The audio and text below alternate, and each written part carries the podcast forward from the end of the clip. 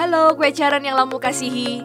Jumpa lagi dalam podcast Change Together. Apa kabar semuanya? Doa kami, kue caran dan keluarga selalu dalam keadaan yang sehat dan bahagia. Quotes, slogan, moto, kata-kata motivasi, ataupun kata-kata penuh inspirasi Jangan hanya jadi sebuah narasi Ataupun aktualisasi caption-caption di sosial media kita. Keren sih kata-katanya, bagus sih artinya. So, that's all. Hati-hati salah kaprah loh. Seperti salah satu moto atau slogan Be Yourself. Jadilah dirimu sendiri. Saya ini dari dulu ya begini. Saya jujur loh jadi diri saya sendiri. Orang lain terima dong saya apa adanya. Waduh, kalau sayanya itu males, mau menang sendiri, gak sabaran, pemarah, siapa yang mau terima dan tahan coba? Lalu gimana dengan slogan love yourself? Kalau salah kaprah bisa jadi narsis nih jangan-jangan. Tapi tak kenal maka tak sayang. Kalau mau menyayangi diri kita sendiri, berarti harus kenal dulu dong dengan diri kita sendiri. Nah, hari ini kita kenalan dulu ya.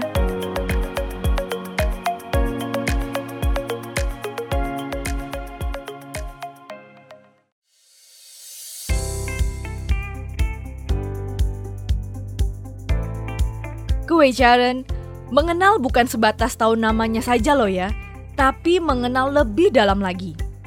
Di lain sisi kita rasanya sangat mengenal orang lain. Si A orangnya begini, si B orangnya begitu, si C orangnya begindang.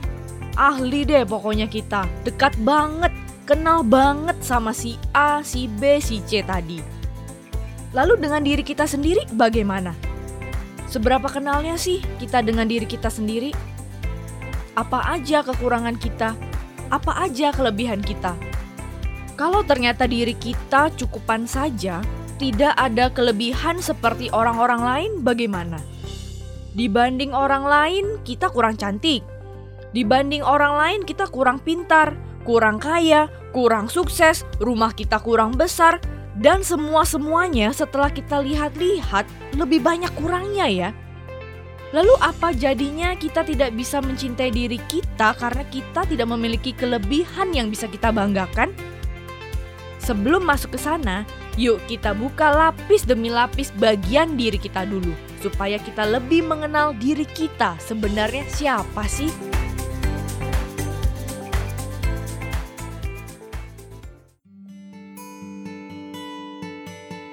Diri kita yang berupa fisik adalah lapisan pertama, yaitu permukaan terluar dan yang paling tipis. Karena berada paling luar, lapisan ini yang paling sering dan mudah banget untuk dilihat, dikritisi, ataupun dinyinyirin. Lalu saking tipisnya, mudah lepas dan ganti dengan yang baru. Coba, siapa wanita paling cantik di dunia? Pasti jawabannya berbeda-beda kan?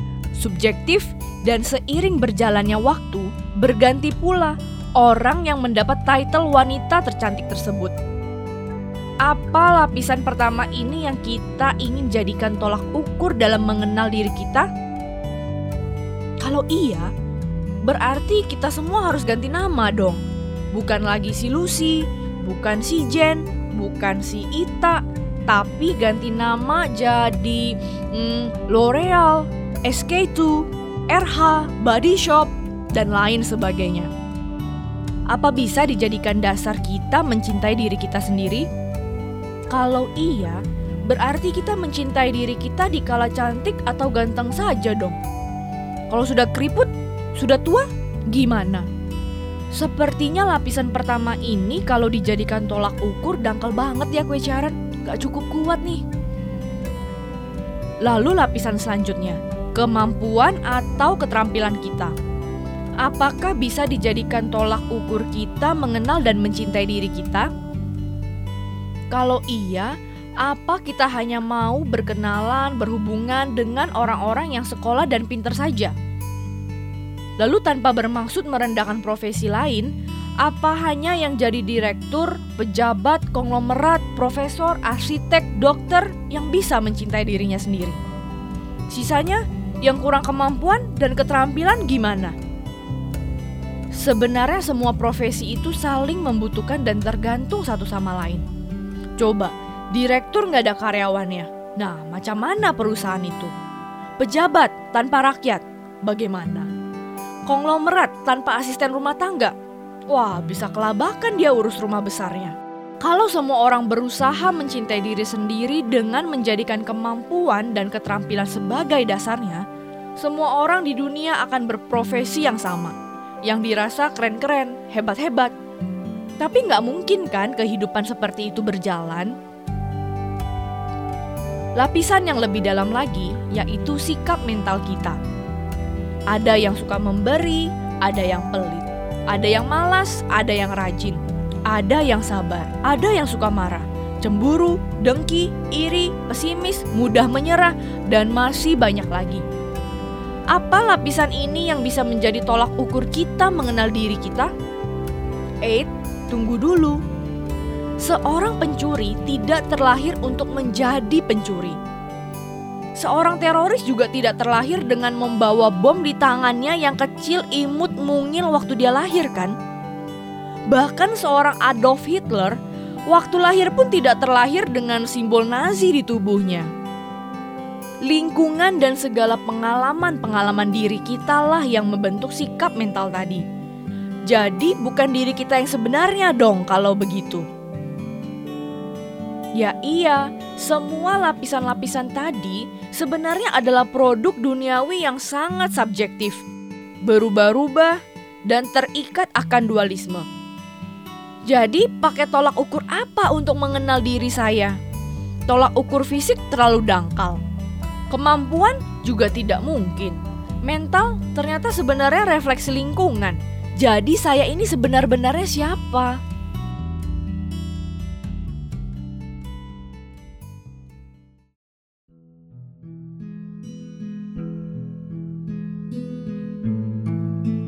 Beberapa tahun yang lalu ada sebuah percobaan dari brand kecantikan terkenal. Brand tersebut menyewa seorang pelukis forensik handal. Lalu beberapa wanita secara random diajak untuk berpartisipasi. Semua partisipan tidak saling mengenal.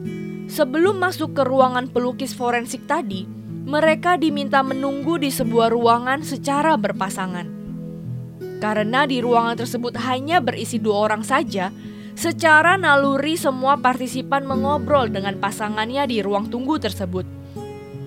Kemudian satu persatu dipersilakan masuk ke ruang pelukis. Pelukis dan partisipan dibatasi oleh kain, sehingga mereka tidak bisa saling melihat. Komunikasi hanya dilakukan melalui suara. Lalu, pelukis forensik meminta partisipan menceritakan wajah si partisipan sendiri. Partisipan bercerita bagaimana bentuk mata mereka, hidung mereka, bentuk dahi, bentuk bibir, tulang pipi, rambut mereka, dan sebagainya untuk membantu pelukis forensik menggambar wajah mereka. Kemudian si pelukis meminta partisipan menjelaskan wajah partisipan lain yang tadi ia temui di ruang tunggu.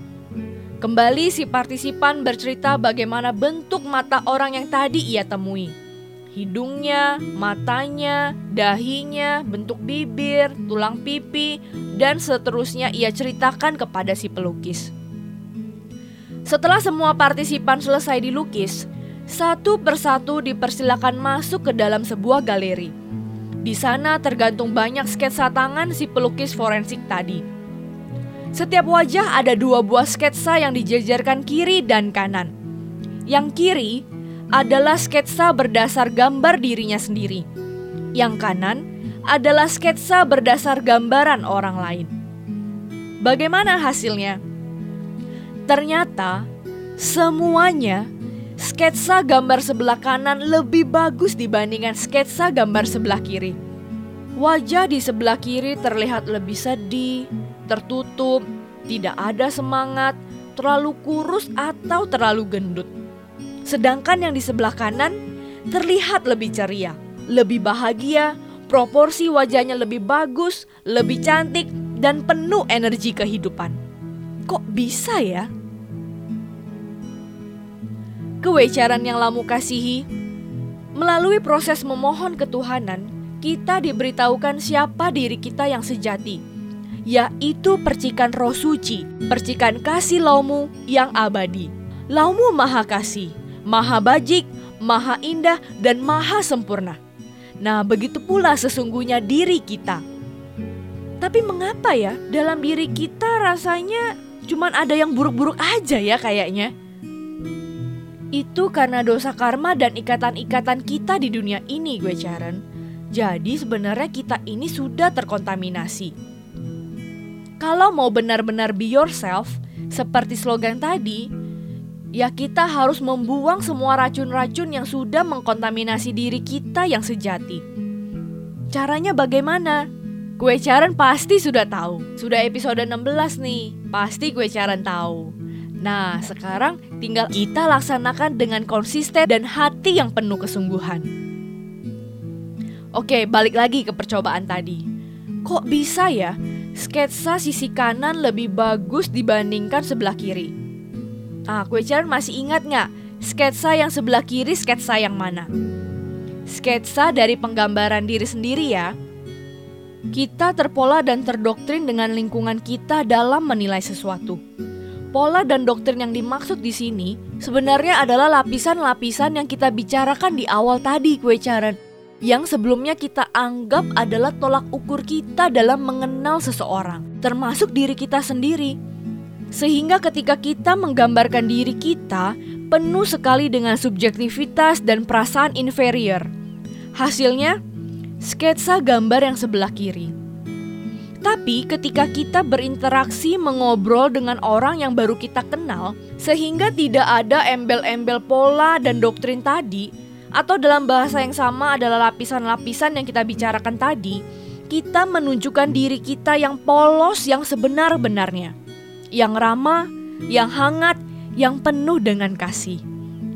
Lalu hal-hal tadi ditangkap oleh lawan bicara kita – Hasilnya, sketsa yang sebelah kanan lebih indah kan? Inilah kue caran sebenarnya diri kita. Percikan roh suci laumu itu sendiri yang penuh dengan kasih dan keindahan. Dan karena ini adalah percikan roh suci laumu, maka diri kita sesungguhnya abadi. Jadi segala sesuatu di dunia yang fana ini sebenar-benarnya bagaikan kuman di ujung kuku kita. Segala kondisi-kondisi di dunia ini yang menyenangkan atau tidak menyenangkan, semua akan berlalu. Jadi, kita jangan sampai terikat dan simpan di dalam hati kita. Itu akan menjadi racun yang mengkontaminasi tadi. Diri ini penuh dengan kasih, karena itu, biarlah ketulusan mengalir di dalam diri kita Jauhkan segala perhitungan-perhitungan untung rugi yang menahan laju kasih di dalam diri kita. Dan jadikan dasar kasih itu untuk membahagiakan orang lain. Diri ini penuh dengan keindahan. Karena itu mari kita jalani hari-hari kita dengan rasa syukur, rasa bahagia, dan optimisme. Setiap orang memiliki ini semua. Dan karenanya setiap orang bisa mencintai dirinya sendiri tergantung seberapa dalam kita mengenal baik diri kita yang sebenarnya. So, love yourself, menyayangi diri kita sendiri, dimulai dengan mengenal baik diri kita yang sesungguhnya.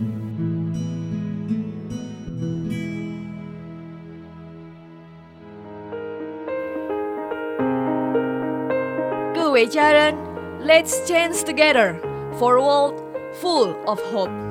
Longmut Sepe, Milefot Sepe, jaran dan keluarga dapat bersatu hati, berteguh iman, berjiwa kasih, saling mendukung dan sukses bersama melewati segala ujian dan bencana. Lomu dan Buddha Maitreya memberkati kewecaran semua. Sampai jumpa di podcast Change Together selanjutnya.